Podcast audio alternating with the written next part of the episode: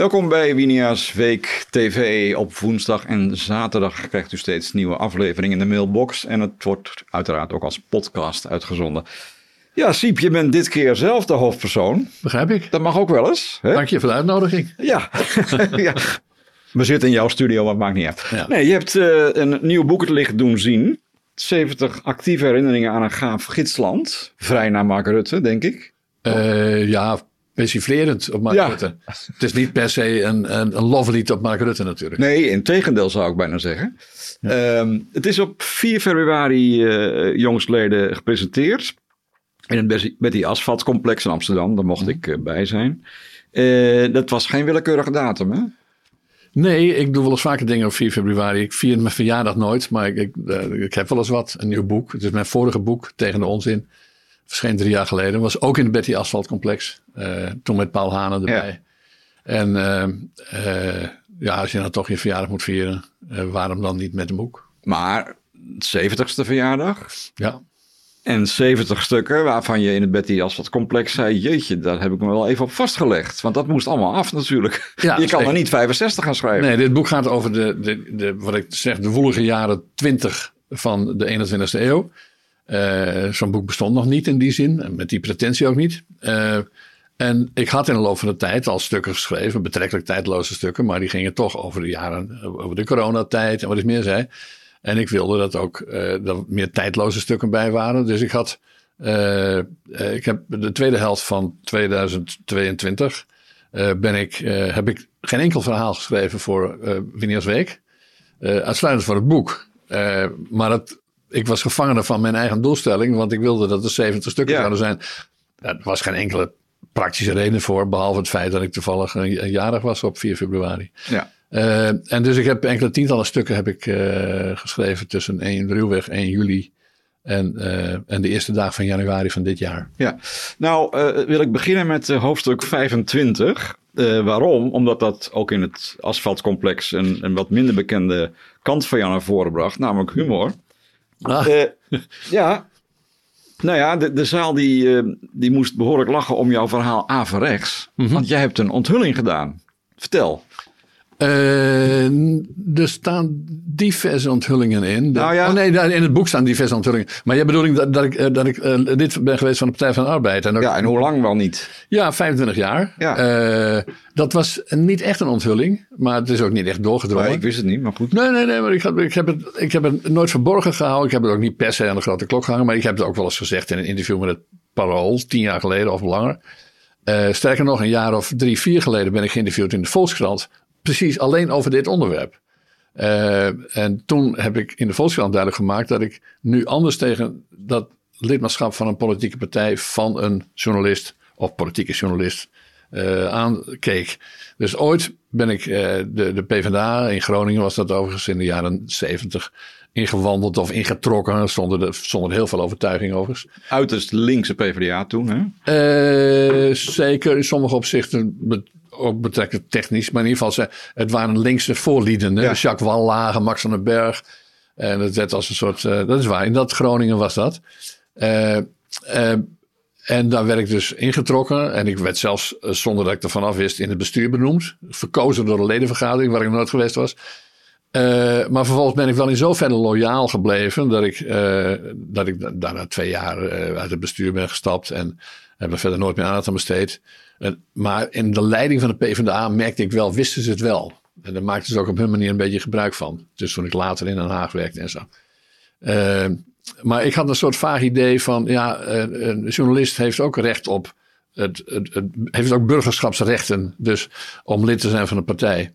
En dus een beetje een combinatie van dwarsigheid en wat gezochte principe, principe en ruiterij. Bleef ik dus maar lid van die tent. Eh, of die partij. Dat hebben verder ook niks. Ik bedoel, ik heb verder geen vi- vijandschap of zo. Eh, maar dat werd met een beetje te dol eh, tegen het eind van de jaren negentig. Dus inmiddels ook weer bijna 25 jaar geleden. En ik ben dus ook anders gaan denken over of het wel zo verstandig is om, als je over politiek schrijft, onder meer over politiek schrijft, eh, om dan ook lid te zijn van een politieke partij. Ik zou, het iedereen, nu niet meer doen, hè? ik zou het nu niet meer doen. Ik zou het iedereen afraden. En, en trouwens niet alleen mensen die eh, over politiek schrijven, maar die ook, eh, laten we zeggen, in een ja, uh, onafhankelijkheid, pretende onafhankelijkheid pretenderen. Uh, die moeten niet, uh, geen belangenverstrengeling van welke aard dan ook suggereren, zou ik zeggen. Maar kun je je voorstellen dat mensen die niet die Volkskrant vier jaar geleden gelezen hebben, verrast zijn dat jij, jij staat toch een beetje als rechts bekend, mag ik dat zo zeggen, van zo'n linkse partijlid bent geweest? ja, maar dat, dat begint een, ik moet beginnen met het etiket rechts. Ja. Want dat, dat, mensen die drukken mij dat op. Uh, ik heb dat zelf nooit gedaan. Ik heb, ik heb natuurlijk in de loop van de tijd natuurlijk veel opiniestukken geschreven. Dus ik heb opinies, ik heb opvattingen over dingen. Maar bij Elsevier gewerkt, dat is toch ook geen linksblad? Nee, nou ja, zelfs dat zou je nou van de kijker. Okay, ik denk dat als je uh, in zekere periodes in de recente geschiedenis uh, een verkiezing zou, gehouden zou hebben op de redactie van Elsevier, dat je nog. Uh, Behoorlijk links uitkwam. Dat zou best wel eens kunnen, ja. ja. Uh, ik heb zelf nooit iets gevonden omdat iets links of rechts was.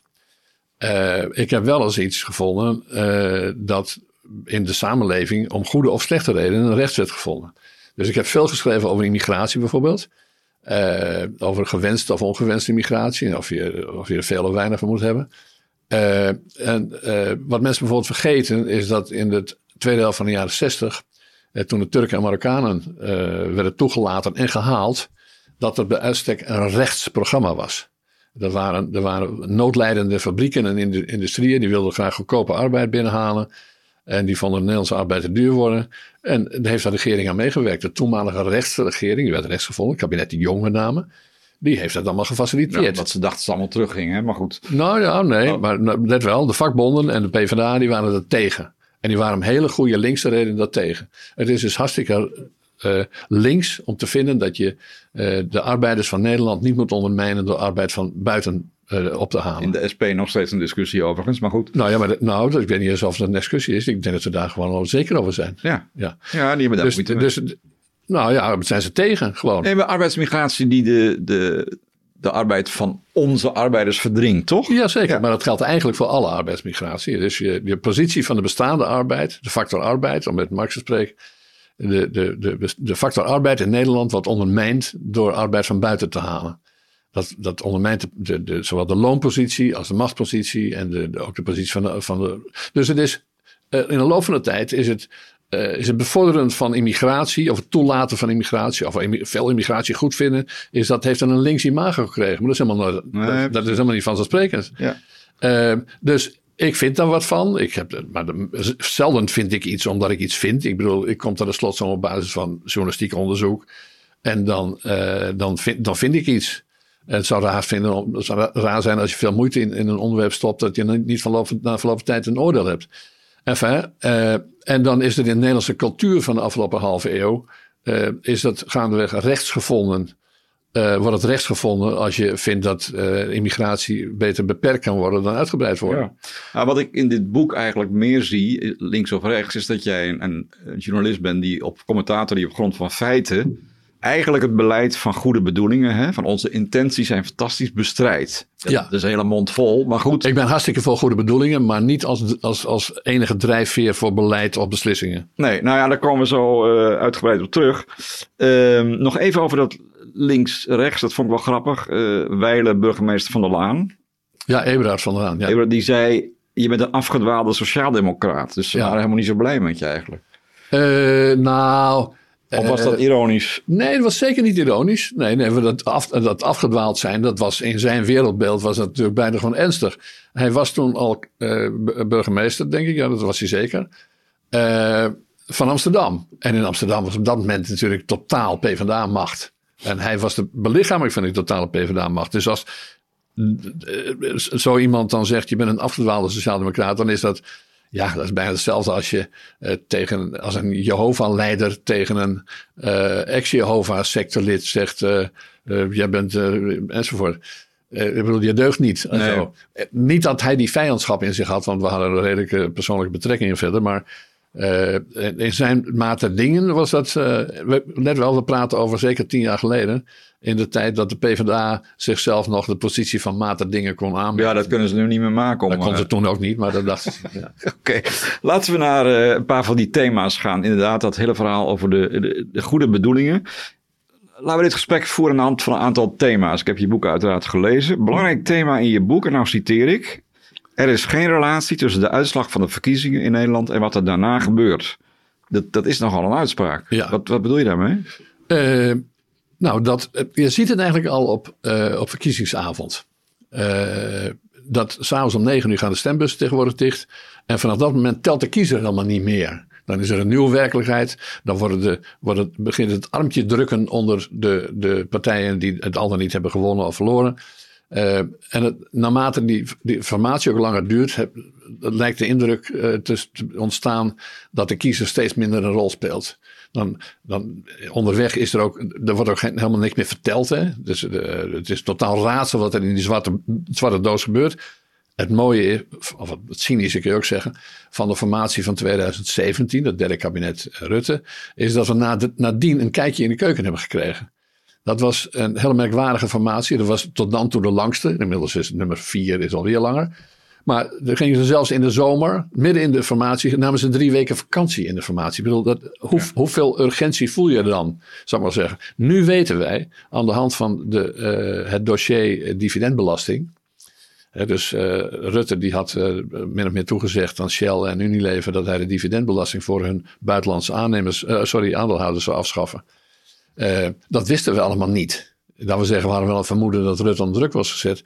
Maar hebben weer dat er helemaal geen input was geweest van die firma's. En die was natuurlijk wel totaal. Dat bleek. Mooi daaraan is dat je kunt zien wat er allemaal gebeurt of kan gebeuren tijdens een formatieperiode. Als de kiezer totaal buitenspel staat. Ja, en, en wat je eigenlijk... En, de excuus wat ik net wil zeggen, is, ja. dat, is dat we daar dus uh, uh, zagen dat terwijl wij, jij en ik als kiezer buitenspel staan, de firma's Shell en Unilever in en uitlopen. En dat staat bijna model. Het is niet het enige wat je erover kunt zeggen, maar het staat bijna model voor uh, het feit dat uh, na de verkiezingen de kiezer niet meer telt. En er dus ook dingen kunnen gebeuren die niks met de verkiezingen te maken hebben. Nou ja, en wat, wat, wat nog veel erger is, behalve uh, Shell, et cetera, zijn er volgens jou ook bijvoorbeeld milieugroepen hè, die een, een stempel op het beleid drukken. Ja. Omdat Rutte bijvoorbeeld een kleine partij nodig hebt, heeft, Ja. die, die dan exponentieel veel invloed krijgt. Ja. Hoe werkt dat? Uh, nou, dat, bij, bij alle verkiezingen werkt het uh, verschillend. Uh, maar het aardigste is om het te illustreren bij, bij bijvoorbeeld het huidige kabinet. We hebben nu vier partijen in het, voor zolang het duurt nog. Hè. Een, een, coalitie van vier partijen. En dan kan een kleine partij, dus de ChristenUnie met een stuk of vijf Kamerleden, die kan dan eisen dat, ze, dat er iets bijzonders wat zij belangrijk vinden. Ik laten zeggen, geen schoolzwemmen op zondag, ik roep maar wat. Uh, daar, hoeft, daar is zeker geen meerderheid voor in de Tweede Kamer. Maar omdat ze zo'n kleine partij dan nodig is om een coalitie te vormen, kunnen zij een al dan niet merkwaardig eisenpakket uh, in, erin leggen. Wat zie je nou bij, bij het huidige kabinet, Rutte 4, het stervende kabinet misschien, maar goed, whatever. Uh, daar is na een jaar of drie, drie kwart jaar formeren, is D66, het D66-verkiezingsprogramma bijna één op één overgenomen. Mm. Kun je grote trekken zeggen. Je ziet dat het helderst aan de gelden die zijn uitgetrokken voor zowel het klimaat als voor de stikstof.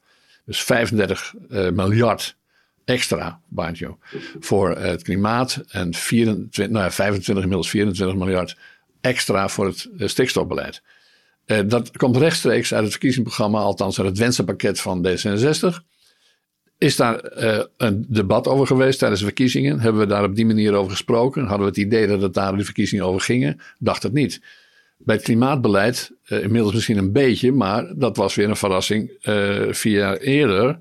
Uh, want toen bleek dat wij na de verkiezing, na het regeerakkoord, plotseling koploper van Europa en daarmee van de wereld moesten zijn op klimaat. Was tijdens, tijdens de, de, verkiezingscampagne op geen enkele manier een bod geweest. Het is ook met de vraag of Nederland erom gevraagd heeft. Maar dat doet er dan niet toe, want in de nieuwe werkelijkheid, na de verkiezingen, zegt D66, jullie hebben ons nodig. En dan, ga je, dan gaan die andere partijen hebben dan naar hun idee in ieder geval geen keu, andere keus uh, dan het, het wensenpakket, dus het verkiezingsprogramma van uh, D66 te onderschrijven. Terwijl D66 maar een zesde, minder dan een zesde van, van de kiezers ja. heeft gehad. En dus mensen denken, ja maar het is toch aangenomen in de Tweede Kamer, dat is toch een meerderheid van de Nederlanders enzovoort. Ja, dat zou normaliter zo zijn. Maar niet in deze hefboomdemocratie zoals ik het noem. Uh, waarbij, om weer dat voorbeeld van het klimaatbeleid te volgen dat is, uh, het, dat is in belangrijke mate gedicteerd door een, een clubje als Milieudefensie, die heel weinig leden heeft. Die trouwens overheidsgesubsidieerd is. Ongeveer twee derde van hun geld komt uit de overheidskas. En die heeft het, het, het klimaatprogramma van zichzelf gedicteerd aan GroenLinks. D66 kampt met, uh, hoor die, die, die probeert de GroenLinks-kiezers binnen te halen. Neemt in dit opzicht het verkiezingsprogramma van GroenLinks over.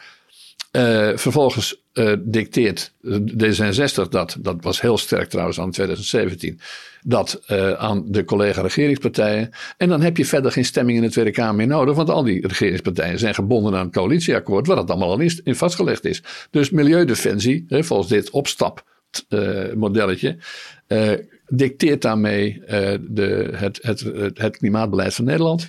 Uh, nooit getest bij de kiezer. En maar zeer de vraag of dat in alle opzichten gedragen wordt. Nou ja, om daar toch even iets tegenover te stellen. Uh, het Europees Parlement heeft deze maand geapplaudisseerd voor Timmermans. Want hij is een enorme Green Deal die helemaal in de lijn van wat jij beschrijft ligt uh, binnen heeft gehaald. Ja. Dus ik wil die partijen zeggen, ja sorry, maar het moet ook van Europa. Het is niet alleen maar een soort lobby iets, toch? Nou ja, de, wat, ik, wat ik net schetste was het, het Nederlandse traject.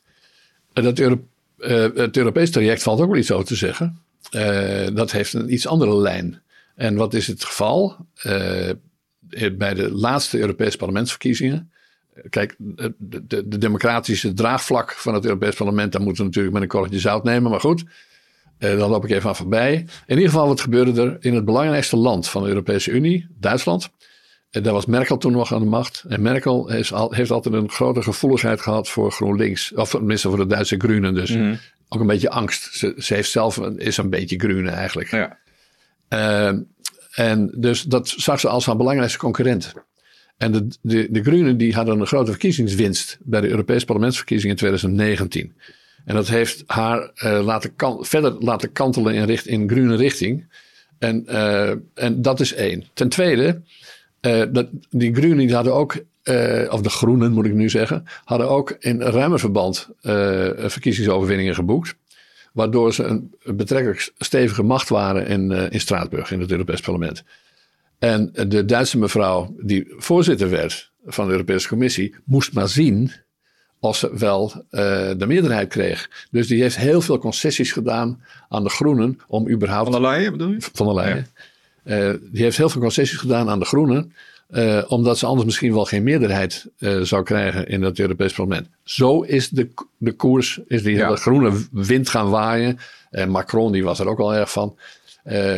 En, maar goed, dat zijn dingen die spelen op elkaar in. Maar de Nederlandse behoefte om koploper te zijn, die bestond al voordat deze de, de, de, de hele Timmermans uh, van der Leyen ja. route in Europa werd. Je hebt daar ook een interessant hoofdstuk in je boek over. Het hoofdstuk heet Voortrekker. En, en daar zeg je eigenlijk dat Nederland enorme pretenties heeft voor een klein land. Ja. Het gaat om internationale rechtsorde, klimaat, et cetera. En die allemaal progressieve dingen ook. Nou ja, oké, okay, maar die we niet kunnen waarmaken. Is dat het verhaal? Of is dat nou ja, pressing? Uh, dat, nou ja, dat is nooit een, een, het, een, een afgeronde studie over het hele thema gemaakt. Maar uh, je zou het voor een deel kunnen verklaren uit de, het Nederlandse Calvinisme. Dat wij in feite het, het uitverkoren volk zijn. Dus in de, in de, de, de Bijbelse geschiedenis van, was Israël dan het uitverkoren volk. Nou, wij waren dan in de moderne tijd, of in de nieuwe tijd, het uitverkoren volk uh, als Calvinisten in dit land. En dus uh, dat, het begrip gidsland is, hier, is hier aan te koppelen. En is nauw te, gelieerd aan, aan Jan Pronk, die PvdA-minister van Ontwikkelingshulp was. Heel lang ook natuurlijk, decennia achter elkaar. Een zeer Calvinistisch heer, zoals we al weten. Tenminste, sommigen nog weten. En, en, en dat was dus ingegeven van wij zijn de betere mensen. wij zijn uitverkoren volk, we hebben de betere bedoelingen. Maar dat is ook vaak natuurlijk te weggeplakt achter hypocrisie, zal maar zeggen. Of de hypocrisie zat erachter weggeplakt want wij willen dan de wereld redden, maar eigenlijk ook laten zien hoe goed we wel, wel niet zijn. Hoe voorbeeldig we niet zijn. Dat we misschien wel een, een ereplaats in de, in, de, in de Calvinistische hemel krijgen. Ja, je noemt als voorbeeld dat wij geloof ik het enige land zijn dat de bescherming van de internationale rechtsorde in de grondwet heeft staan nu. Hè? Ja, ja. Terwijl ik altijd dacht, nou dat klinkt toch heel goed. Maar... Ja, maar dat is ook volkomen buiten proportie. Dat is een megalomaan idee is dat.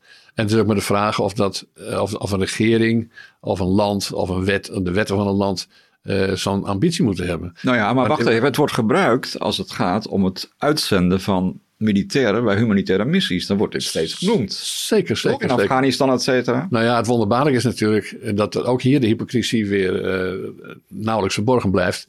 Want iedereen die de, de, Nederlandse internationale politiek volgt, weet, weet dat wij voornamelijk Amerika volgen. ja, mhm. dus we, in Europa hebben we niet heel veel te zeggen.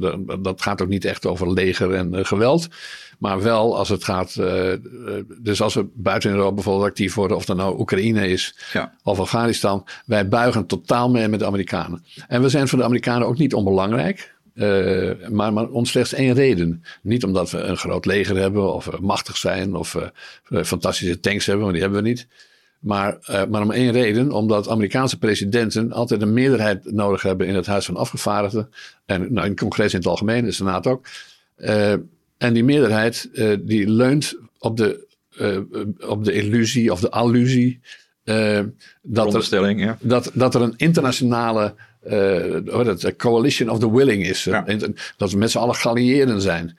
Dus de Amerikanen, die worden, uh, ook het Amerikaans publiek wordt overtuigd alsof er een brede, bijna Tweede Wereldoorlog-achtige geallieerde massa is. Terwijl het uiteindelijk natuurlijk gewoon 90% Amerikanen zijn, als het niet meer zijn. En daarna komen er wat Engelsen. En dan is er op het Europese continent, proberen ze ook nog wat steun te krijgen. Dan krijgen ze meestal niet van de Fransen, soms van de Duitsers. En dan is Nederland, zorgt voor het kantelmoment. En zo zijn wij ook in 2000, wat is het, 2006 uh, eh, eh, massaal naar Afghanistan, Oeruzgan gegaan. Uh, ik was in die tijd zelf uh, in China. En in, in, de, in de Chinese kranten was het groot nieuws of Nederland al dan niet naar Afghanistan zou gaan. Nou, als in China geïnteresseerd zijn of Nederland al dan niet naar Afghanistan gaat, dan gaat het niet over Nederland, dan gaat het over Amerika. Ja. We hebben nu ook weer gezien, de afgelopen 24, uh, de afgelopen 12 maanden, 13, 14 maanden. Dat Nederland, die uh, deed wel mee aan, uh, aan het verzet, Oekraïnse verzet tegen Rusland. Maar met uh, scherfvesten en helmen. Dat was de positie toen. En dat lijkt heel erg op de afwachtende positie die de Amerikanen op dat moment nog innamen. Maar in de loop van het jaar is Nederland koploper, daar is hij weer, koploper geworden. Uh, ja, 1,2 miljard inmiddels. Ja, dus het ging eerst over enkele tientallen miljoenen en nu gaat het, ja. gaat het naar, naar een paar miljard zelfs. En dus Nederland, die notabene zelf geen tanks heeft, die, zorgt, die organiseert nu tanks. Zodat... Die leent ze nu zelf om ze naar ja, Oekraïne dus, te dat, dit, let wel, misschien is dat heel goed. Uh, en ik, ik sympathiseer daar op zich ook mee. Maar het buigt gewoon mee met het Amerikaanse beleid in dit geval. Uh, dus ik weet niet of er nog steeds een antwoord op jouw vraag is. Nou ja, we zijn nog bij je boek. Ja, nee, Daar hebben we het over. Ja, ja. Nee, het ging er even over dat Nederland zich pretenties aanmeet. Waarvan jij zegt, ja, dat is vooral window dressing. Want in de praktijk oh, ja. hebben we niet zoveel te vertellen. Nee, nee, maar, nee, maar op, uh, kijk, jij begon over dat er in onze uh, grondwet op diverse plekken trouwens staat dat we, dat we verantwoordelijk zijn voor de internationale rechtsorde en wat ik meer zei. Maar ja, wat is dan het punt? Dan sturen we mensen naar Afghanistan op grond van zogenaamd op grond, massaal in Afghanistan, zogenaamd op grond van deze eh, grondwetopdracht of zo. Terwijl die opdracht gewoon uit Washington komt. en, wij, en, wij, en wat maken wij ervan? We doen net alsof het niks met Washington te maken heeft. Nee, we zeggen dan van nee, we gaan daar ontwikkelingshulp brengen. En, uh, pijs, en het onderwijs verbeteren. En ontwikkelingshulp brengen. En, en, de, en in plaats van de, de, de, de, de, het, uh, de heroïne teelt, uh, gaan we ze dan waterkers leren maken en zo. Ja, maar dat heeft al, dat is allemaal window dressing uh, voor het feit dat we de Amerikanen uh, extra boots on the ground ja, verschaffen. Ja. Uh, laten we het even teruggaan, niet alleen naar jouw boek, maar ook naar Nederland. Nog, nog een paar andere citaten die me opvielen. Ook wel een beetje een rode draad in jouw hele werk trouwens. Jij zegt de staat is in zichzelf gekeerd, staat ver weg bij die burger. En het is een insidersdemocratie. Dat vond ik wel een mooi woord. En, en dan zeg je, niemand van deze insiders krijgt ooit te maken met mensen uit de toeslagenaffaire. Dat staat ver buiten hun blikveld. Ja. Is dat de reden dat, dat er zoveel schandalen zijn? Uh, dat zou best eens een, uh, een, of tenminste een deel van de verklaring kunnen zijn. Uh, kijk, ik denk dat, dat als er een structuur is die daar aan te relateren is, is dat wij een kiesstelsel hebben waarbij, en, en een partijendemocratie eigenlijk, waarbij uh, de volksvertegenwoordigers, dus met name de inwoners van de Tweede Kamer, uh, ja, die hebben niet de kiezers als baas. Nee, die hebben gewoon de partijleiding als baas. Ja. Uh, Rutte is gewoon, om dat voorbeeld maar aan te houden, dat is een, dat is een duidelijke voorbeeld ook. er komt echt niemand in de Tweede Kamer als hij niet persoonlijk is geaccordeerd of voorgedragen door Mark Rutte. dus de, in zijn rol van partijleider. Het, het, mooie aan een districtenstelsel is dat, zoals je in Engeland bijvoorbeeld hebt, en dat heeft ook nadelen, maar het mooie daaraan is dat uh, dan iedere kiezer, uh, de kiezer weet wie er namens hem in de Tweede Kamer belandt. En die kan daarna zeggen, ja maar ja, dat belooft en ik, ik lus je niet meer. Dat hebben we in Nederland niet. Ja, die hebben ook gewoon spreekuren met kiezers hè? Zeker, ja, ja. Nou, als we dat in Nederland doen, dan noemen we dat, uh, dan, dan, dan, spreken we er heel lelijk over. Dat is cliëntel, cliëntelisme. Maar goed, cliëntelisme heeft het mooie in zich dat kiezers zich kunnen melden bij hun vertegenwoordiger. Dat is toch prachtig op zich. Ja. En dat dat misschien tot vormen van corruptie aanleiding geeft, dat is vervelend. Maar die vormen van corruptie hebben we nu ook maar anders. Ja. dus de, hoe politici, de Eerste Kamer bijvoorbeeld, die zit vol met mensen die ook banen hebben bij, bij, bij, uh, bij lobbyorganisaties of uh, wat dan ook. Wat helemaal niet zou mogen eigenlijk. Oké, maar dat leidt af. Eh, dat wil zeggen enigszins af.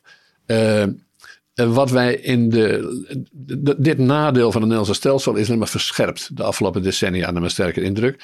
We hebben een commissie Remkes gehad, alweer een commissie Remkes, die een jaar of vier, vijf geleden dat ook heeft benadrukt. Dat een derde van de Nederlandse bevolking zich al helemaal niet meer vertegenwoordigd voelt. En dat wordt natuurlijk verscherpt door dit, door, door dit probleem.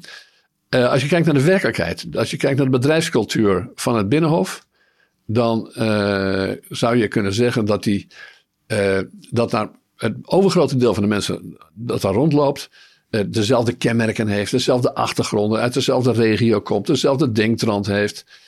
allemaal een beetje, nou ja, laten we zeggen, bovengemiddeld opgeleid zijn. En daar, dan kom ik op een iets ander terrein, schuif ik erin. Namelijk dat de, de trend in academisch en anderszins hoogopgeleid Nederland, en in de westerse wereld misschien wel is, om steeds conformistischer te denken. Allemaal hetzelfde te denken. Dus je moet hier niet van aan kijken. Jij weet het ongetwijfeld ook. Dat uh, al die medewerkers die, uh, die op het Binnenhof rondlopen. en die overmorgen misschien Kamerlid zijn. eigenlijk allemaal hetzelfde vinden ongeveer. Ze moeten alleen hier en daar wat verschillend vinden. om een verschillend publiek aan te kunnen boren. Maar de, de, de bedrijfscultuur, de, de collectieve cultuur. die komt in belangrijke mate overeen. Uh, het mooie daaraan is natuurlijk dat. je kunt er heel pessimistisch over worden. Maar het stelsel corrigeert zich vanaf van tijd tot tijd ook enigszins. Ja. dus we hebben dat gezien met Fortuin. Dat de mensen uit, eh, niet alleen met liefde voor Fortuin, die inmiddels wordt doodgeschoten, maar uh, toch ook wel het afkeer van de, de het kleffe Den Haag. Uh, waar je niks mocht zeggen, waar belangrijke thema's onbesproken bleven. Nou ja, sterker nog, Paas 2, die dacht dat alle signalen op groen stonden, economisch. Ja. En een prachtig verhaal in The Economist. Ja. Maar vergat dat hun eigen kiezers in armoede zaten. Ja. op wachtlijsten stonden. Precies. Oh, en die hadden bijvoorbeeld, die vonden dat het uh, een keer afgelopen moest zijn met die massale asielimmigratie bijvoorbeeld. Maar ja, dat stond weer niet in The Economist. Maar het is natuurlijk, je ziet het bij Mark Rutte natuurlijk ook. Hè? Die zegt van ja, we staan allemaal bij de mooiste lijstjes. Ja, wat zijn dat voor lijstjes? Dat zijn lijstjes die inderdaad weer in The Economist staan of in soortgelijke bladen. Uh, waarin gaat het over of onze concurrentiekracht groot is. Ja. Maar tussen de, die mensen die, die, eh, die door de Belastingdienst zijn benadeeld en in, in de, aan de beeldenstaf zijn gebracht en gescheiden zijn en kinderen kwijt zijn geraakt, die hebben niks aan de concurrentiekracht die in de, in de, in de Economist afgebeeld staat. Dus, uh, uh, dus er is een statistiek, en, zoals, uh, zoals ook Pieter Omzicht dan zegt, die heeft het over dat, de, de modellenwereld die, die, die Den Haag runt. dat, past, dat sluit naadloos op elkaar aan. Lijstjes van Rutte en de modellen die dan wel voor de stikstof, dan wel voor economische groei of wat dan ook uh, worden gehanteerd. Ja, en bij de toeslagenaffaire klopten alle algoritmes en de computers deden precies wat er moest worden ingevoerd, maar niemand zag dat de mensen vermalen werden. Nee, Maar het is natuurlijk raar dat je in, in, in een, zeker een land dat zichzelf een model democratie vindt, wat zeker niet zo is. Uh, dus die zelfingenomenheid die remt ook het zicht op de werkelijkheid, naar stellige overtuiging. Uh, maar goed, dat dit. Uh, dus de neiging tot zelfcorrectie is niet is slecht ontwikkeld. Maar het goede nieuws is dat er van tijd tot tijd uh, het publiek zegt. En nu is het afgelopen. Nu gaan we er even een. En dat, kun je, dat is ook in zekere mate gebeurd bij de staatsverkiezingen van 15 maart 2023. En niet allemaal uit liefde voor Caroline van der Plas, maar zeker het afkeer van de coalitie. heeft men een spectaculaire verkiezingsuitslag ja. laten zien. En, en, en je ziet, we spreken nu uh, eind uh, april, of loopt richting eind april. Uh, dan zitten we in feite met een, een, een kabinet dat, uh, ja, dat zit zijn tijd nog even uit. Zoals het duurt. Tenminste, dat, zo laat ze het gaan zien. En dat is een directe gevolg van de, van een statenverkiezingen uitslag. Staatsverkiezingen die doen we traditioneel niet vreselijk toe. Zeker niet in het beeld van de mensen. Maar we zien nu dat dat wel effect heeft. Uh, en ik zeg niet dat de wereld dan meteen verbetert. Maar in ieder geval er is een schokgolf door ja. het uh, zelf ingenomen circus gegaan. Maar goed, die, die insidersdemocratie, daarvan zeg je als die gecorrigeerd wordt. Maar ja, dan is misschien weer het probleem dat die outsiders ingekapseld worden. Hè? Zoals BBB bijvoorbeeld. Ik bedoel, als ja, onderdeel gaan uit. Nou ja, kijk, er kunnen, er kunnen allemaal. Dat, heeft, dat sorteert sowieso effect. Er wordt wel beweerd van. Uh, uh, ja, en daarna gaat het weer over tot de orde van de dag. Dat is in belangrijke mate het geval. Ik herinner mij dat een, een, een, een bekende van mij, die was uh, daags na de verkiezingsuitslag van de Pim Fortuyn verkiezingen van 2002. Uh, bij een, een, een, een, congres met ambtenaren, politici en, en bouwers, geloof ik. en die hoorden daar dat, die vertelde dat, dat daar geen moment gegaan was over dat er nu andere tijden kwamen vanwege de verkiezingsuitslag. Dat vond ik zo'n illustratie van achteroverleunen. En, en nou ja, de, de, de reflex in Den Haag heb ik ook eh, mogen ervaren, is bij politici niet wat doen we met het signaal van de burgers, maar hoe kapselen we ze zo in zeker, dat zeker. ze onschadelijk worden. Dat werd letterlijk bij Fortuyn gezegd. Zeker. En, ik en heb, bij Wilders ook. Zeker. Ik heb, uh, en dat is ook bij, bij Wilders, ik schrijf het ook in het boek. Had ik nog niet eerder gedaan, geloof ik. Maar uh, wat gebeurde er? Ik, was, ik zat in een radio-uitzending uh, bij BNR Nieuwsradio op locatie in de RAI. En dat, is, en, en dat is een live-uitzending. En dat speelde zich af na de verkiezingen van 2010. Dus toen het CDA was weggewoven. Ja. En, de, en Wilders een hele grote uitslag had gemaakt. Uh, uiteindelijk hebben we toen uh, immers dat wat genoemd werd het gedoogkabinet gekregen. Wij wilden steunen dan CDA, VVD in, het, uh, in die coalitie. Uh, maar maanden daarvoor zat ik dus met een vooraanstaande, zeer vooraanstaande uh, VVD'er in die live-uitzending. En tijdens die uitzending, dat was een reclameblok of zo, zegt hij van, ja, je dacht toch niet, enzovoort, dat we dat... En enfin, die staat gewoon open te, openlijk te predideren op de mogelijkheid dat, dat zo'n kabinet zou kunnen ontstaan. Maar het enige doel was Kill the bastard. Nou ja, dat heeft 87 dagen geduurd, hè, dat kabinet. Dus. Uh, nou, nee, sorry. Nee, nee, dat, nee, nee, dat, nee, was, dat heeft anderhalf jaar. Nee, Fortuyn was. Nee, ja, dit heeft anderhalf jaar geduurd. Ja. Maar uh, dat, uh, hoe, hoe, hoe aardig het er misschien ook uitzag met, met Wilders en met Rutte en met Maxime Verhagen.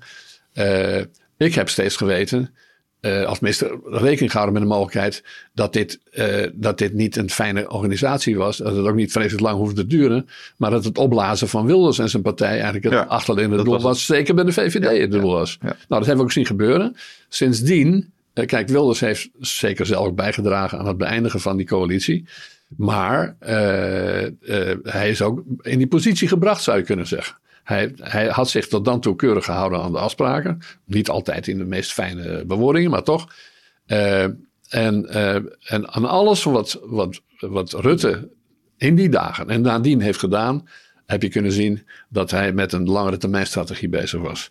Ten eerste heeft hij Wilders misschien er ook wel uitgedreven, dat durf ik gerust wel een beetje zo te zeggen. Uh, en heeft hij Wilders toen het, het etiket opgeplakt. Wat hij nog steeds tien jaar later, twaalf jaar later nog steeds doet.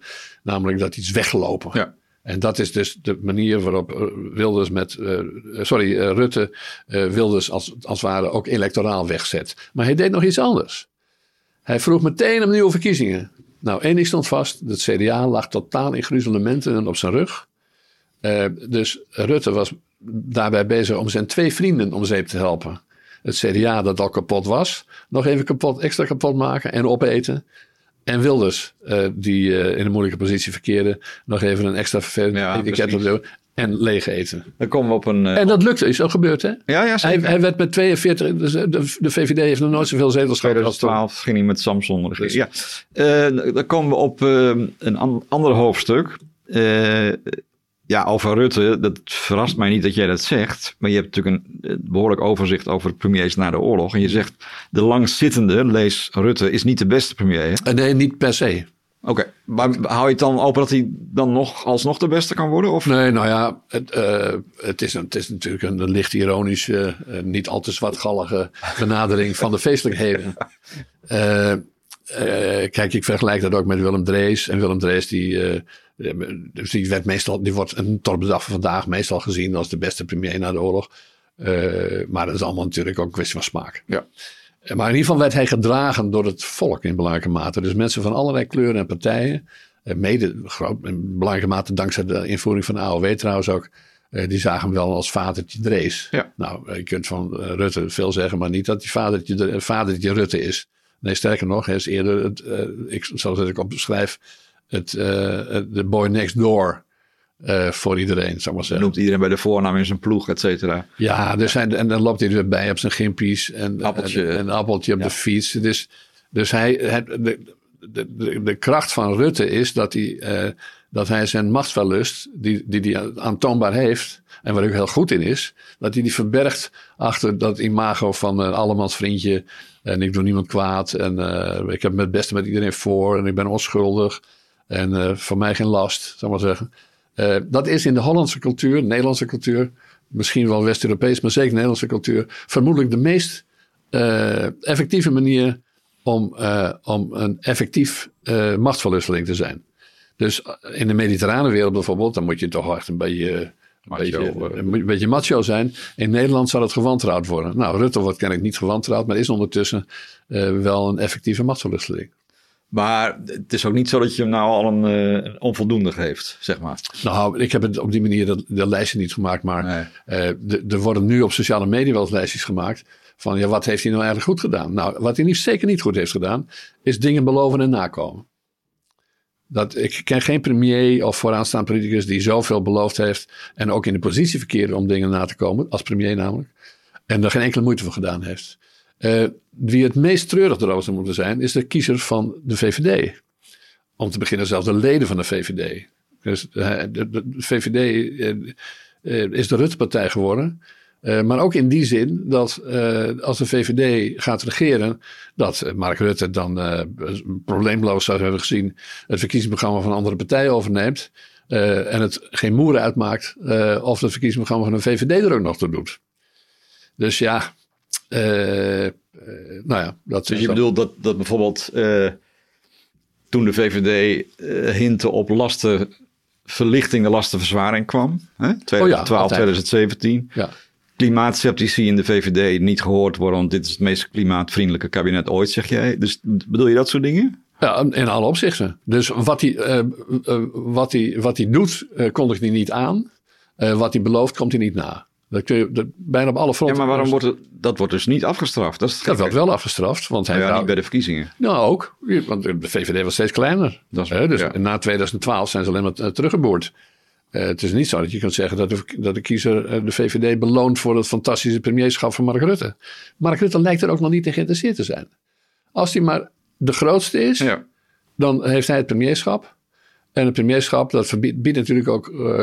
kijk, het kan wel zijn dat je in dat coalitieakkoord van alles prijs moet geven. Maar Mark Rutte is ook weer cynisch genoeg en ervaren genoeg om te weten dat heel veel beleid of dingen die je wilt of nalaat, uh, die doen zich onderweg voor. Er komt nog bij als je premier bent, zit je de helft van de tijd aan de vergadertafel in Brussel met de Europese Raad. En daar komen de opdrachten vandaan. Uh, dan gaat, en hij zit zelden serieus een stempel daarop. Hij doet wel alsof hij dan vreselijk tegensputtert, maar uiteindelijk gaat er weer 200 miljard naar Italië. Weet je, dus het, uh, uh, maar één, één ding, hij zit wel op de plekken waar de macht uitgeoefend kan worden. Maar of dat nou in het voordeel van, de Nederland, van Nederland is, of in het voordeel van de Nederlandse kiezer, of van de VVD-kiezer, of VVD-leden, ik zie er weinig van. Nou, sterker nog, hij zegt steeds: van, ik heb meer invloed als ik deze functie behoud. en dat ik zelf in Brussel ga zitten. Ja, maar dat is ook waar. Dat is ook zo. Wat dat betreft zit erin, dat is realistisch om dat zo te zien. Uh, mensen denken altijd dat Frans Timmermans de baas is, uh, zeg maar, voor Nederland dan. Uh, en dat is in zekere mate ook zo, maar hij is een uitvoerder. Uh, de bazen in het circuit, de bovenbazen, dat zijn de Merkels. En nou ja, dat was dan de Merkel, regeringsleiders, ja. De regeringsleiders in de Europese Raad. Uh, en dus daar is in Nederland langere tijd, ook in Den Haag, heel neerbuigend over gedaan. Ja, er zit een beetje met de voeten bij de haard en zo. Er gebeurt allemaal niks. De echte macht zit bij de Europese Commissie, zei ze. Nou, daar weet de Europese Commissie heus wel beter. De Europese Commissie die draait op de opdrachten van de Europese Raad. Dus de, de, de bovenbaas en de regeringsleiders. Ja. En uh, en, uh, en dus zo'n Rutte, die kan zelfs dingen regelen in Brussel. als je dat zou willen, in het voordeel van Nederland, je merkt er weinig van, maar de stikstofzaak bijvoorbeeld zou die best invloed uit kunnen oefenen. Waarom je dat niet doet, is een raadsel. Maar uh, één ding staat vast, er, komen gewoon, er worden besluiten genomen in Brussel die vaak helemaal geen, geen, geen basis hebben in het Nederlandse parlement. Laat staan onder de Nederlandse bevolking. Maar ja, die wel doorgedrukt worden. Ja. Nou ja, daar zit hij dan wel bij. En misschien doet hij daar, uh, dient hij daar iemands belang, maar niet altijd de onze. Um, ik ik wil even naar je laatste hoofdstuk in je boek. Dat vond ik nogal uh, verrassend. Het hoofdstuk heet De Vaatwasser. Ja. Laten we verder de, de techniek, hoe die vaatwasser allemaal in het Nederlandse gezin kwam, even achterwege laten. Maar daarin maak je aan het eind van je boek excuses aan de Nederlandse vrouw voor, ik zou bijna zeggen, als ik jou zou lezen, een eeuw wanbeleid als het gaat om de arbeidsmarkt. Hè? Uh, in alle opzichten, niet alleen al, in alle opzichten. Ja. Uh, dus dat heeft ook wel even geduurd voordat het in volle omvang dat me doordrong. Maar ik ken geen land dat zichzelf modern vindt, West-Europees vindt, dat in de omgang met de, de vrouw zo achterlijk was. En in zekere zin nog is als Nederland.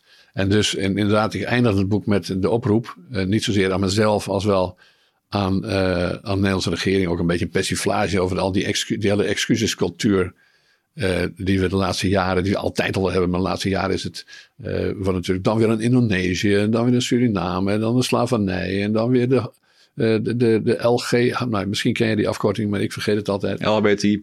Nou, kijk eens aan. Ja. maar dus het danst van de, van de excuses, maar ik pleit ervoor om excuses te maken aan de 20e eeuwse vrouw van Nederland. Die echt op een schandalige manier, ik, ik, daar, ik moet oppassen om niet uit de bocht te vliegen qua bewoording, maar echt, gelukkig komen er ook gaandeweg wat boeken over. Maar toen ik me daar 25 jaar geleden eens een keer in verdiepte, aan de hand van de vaatwasser, maar dat moeten mensen zelf maar uit gaan lezen wat het verband is met de vaatwasser. Maar toen, ben ik, toen bleek dat er gewoon helemaal niks bekend is waarom vrouwen in Nederland niet werken. waarom ze na verloop tijd wel een beetje mochten werken, maar maar een beetje. En zelf ook misschien niet meer wilden werken dan een beetje. Dat, dat is echt een zeer treurige geschiedenis. Uh, van, van discriminatie, uh, doelbewuste achterstelling. En niet alleen omdat de katholieke, de, de, het, de klerus, de katholieke klerus of de gereformeerden dominees vonden dat ze vooral kinderen moesten ba baren, maar ook omdat de socialistische vakbonden daar aan meededen en de werkgeversorganisaties. Wat een voorbeeld daarvan is dat je als vrouw ontslagen werd. Als je bijvoorbeeld ambtenaar was en je, ja. hè, en je man en je ging trouwen, dan moest een van de twee leest de vrouw wijken, toch? Nee, niet een van de twee, de vrouw. Ja. Ja, nee. En dat is, en let wel, dat, was, dat, dat hebben we niet geërfd uit de 19e eeuw. Nee, die, dat is allemaal stukken erger geworden in de loop van de 20e eeuw. Dat is bewuste wetgeving. Dat was bewuste wetgeving. Dat was een soort handreiking tussen de socialisten, althans de socialistische vakbonden. Uh, die, uh, die, uh, die wilden geen concurrentie op de arbeidsmarkt van vrouwen. Konden meneer, speelt ook nog een beetje mee dat het was, en het, soms speelt dat nog, dat de man vanwege zijn eigen trots niet wilde dat zijn vrouw het werken ging, want hij kon toch zelf wel voor het gezin zorgen. Ja. Dat, al dat soort dingen. Maar dat leidde ondertussen wel toe dat meisjes gingen naar de lagere school, leerden niet verder. Als ze iets verder leerden was het de huisartsschool. Uh, uh, doorstuderen was er nooit bij. Het dommere broertje mocht misschien wel leren en zij niet. Nou, dat zijn echt duizenden honderdduizenden tragische geschiedenis over op te sommen. Uh, over wat het treurig, onnodig treurige levens. En trouwens, de economie werd er ook nog door ondermijnd. We hadden het in het begin van dit gesprek over de gastarbeiders. die werden gehaald. Ja, maar waarom hadden we tekort aan arbeid in de tweede helft van de jaren zestig? Omdat de vrouwen niet werkten. Ik bedoel, als, als de helft van de bevolking niet of nauwelijks werkt. Of, en nog steeds, ooit in die tijd, tot in de jaren zestig uh, mijn eigen tweelingzusje, die werkte bij een bank en die ging trouwen ergens in de jaren zeventig, notabene. En die werd, uh, toen ze, uh, die, die werd gewoon ontslagen toen ze een kind kreeg. Ja. En dat, toen, de wet was al niet meer zo, maar dat, de hele praktijk was zo. Nou, in dat achterlijke land zijn jij en ik opgegroeid. En ik vind het dus, ik meen het echt serieus, het is niet een flauw grapje. als we dan toch een, met onszelf aan het afrekenen zijn over de geschiedenis, eh, dan moeten we hier ook serieus naar kijken. Al was het maar om, zoals men veel zegt bij slavernijverleden, de doorwerkingen nog iedere dag merkbaar zijn. Dus er zijn voortdurend van die oproepen van eh, vervelende columnisten of anderen. Laat die vrouwen eens een keer aan het werk gaan. Nee, Ja, de deeltijdprinsesjes van, eh hoe heet die? die man wiens naam ik niet ga noemen, maar in ieder geval. Ik heb het al gezegd. Maar... Nou ja, we knippen het er ook niet uit. Dus dan zijn we, maar in ieder geval. Eh, dus daar wordt vaak eh, zonder enig historisch benul over gesproken. Ja, maar als je vijf generaties eh, Nederland mensen zo maakt met dit beleid en deze gedachtegang. Ja, dan moet je niet verstaan te kijken dat het misschien ook al vijf generaties duurt. en het overheid, overheidsbeleid komt er ook bij. Voldoende aangepast is. Totdat we hier een reëel geëmancipeerd land hebben. Dus de, de, de staat of de regering zou daar excuses voor moeten aanbieden aan, ja, aan alle Nederlandse vrouwen. Nou ja, dat zoeken ze maar uit. Ze, Ja. zijn, ze zijn er zo goed in. Meestal doen ze het een paar dagen voor, voor kerst nog even. Dus misschien de volgende keer een paar dagen voor Pinksteren, niet? Maar ja, toch nog om even. eh er is vaderschapsverlof tegenwoordig. Mhm. Dus dat, dat is niet veel, maar toch. Ja. De aanrechtssubsidie, je kunt het op je belastingformulier niet zien, maar die wordt afgebouwd. Ja. Waardoor vrouwen meer gestimuleerd worden om te gaan werken. Ja, En het kostwinnersbeginsel wordt ja afgesloten. nee, nee. Er is, Ja, dat zeg je, dat heel langzaam wordt nee, er is wel maar, maar, let- maar kijk, dat proces zijn we dus al sinds 1956 mee bezig. Ja. 1956 eh, is dat, dat beleid wat in de jaren 30 is ingevoerd, dat ambtenaressen, eh, als ze gingen trouwen, meteen werden ontslagen. Eh, en praktijk die nog tot in de jaren 70 heeft voortgeduurd, hè, feitelijk, en misschien wel langer. Eh, nou ja, dus er is wel enige vooruitgang. Maar je moet de, de nog steeds ademt de Nederlandse wetgeving en het Nederlandse beleid ademt de huisvrouwenstaat zoals men die gedacht had in die, die- nog, maar, nog maar in de jaren 50 was het hoogtepunt daarvan. Hè? Ja. Ja, het dieptepunt eigenlijk, maar eh, ja.